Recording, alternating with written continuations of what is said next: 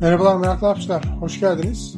Bu bölümde kullanıp da anlamını ya da tarihini bilmediğiniz bir bilgi anlatmayacağım. Da aksine yanlış bilinen bir hikayenin doğrusunu anlatacağım.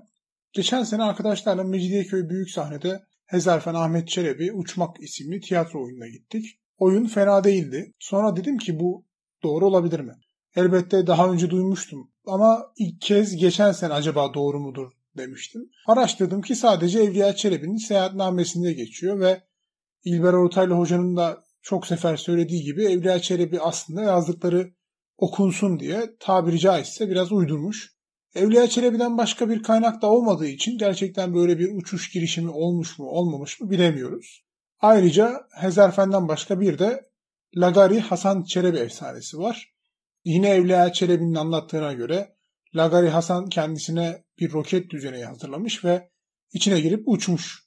Roket sönünce de takılı olan kanatlarla denize dalış yapmış. Tabi bu da bir efsaneden öteye geçmiyor ama yine de Türk Havacılık Kurumu Müzesi'nde küçük bir Lagari Hasan maketine yer vermişler. Bu iddiayı çok sevdiğim Discovery Channel'da Mythbusters, Efsane Avcıları programında denemişler. 7. sezon 17. bölüm. Linki koyuyorum izlersiniz. Evliya Çelebi'nin yazdığı tüm ölçülere uyularak işte barut miktarı, roket uzunluğu vesaire bir maket hazırlıyorlar. Roket ateşliyorlar. Evliya Çelebi'nin yazdığı gibi 275 metre değil sadece 30 metre yükseliyor. Ayrıca içindeki maket de dağılıyor. Yani maket değil insan olsaydı paramparça olmuştu. Makete de Lagar Hasan Efendi'ye benzesin diye bir bıyık yapmışlar. Çok beğendim. Gelelim uçağın tarihine. Bildiğimiz anlamdaki motorlu uçağı ilk uçuran çoğumuzun duymuş olduğu Wright kardeşler değil.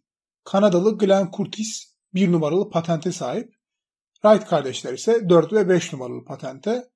Glenn Curtis 1908'de Amerika'nın ilk resmi uçuşunu gerçekleştirmiş. Ama yine de Amerikan propagandası tüm dünyaya Wright kardeşleri bombalamış. Ben de kapanışı İsmail abinin dedeleri Wright kardeşlerle yapıyorum.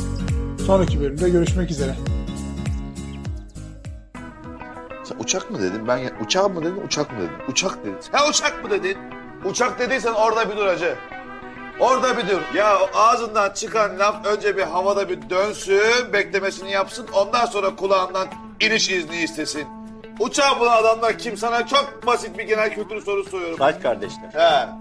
Bart kardeşler. O Yart kardeşler kim acaba? Kimin dedeleri? Benim dedelerim. Ondan haberin var mı? Hacı ne yaptın?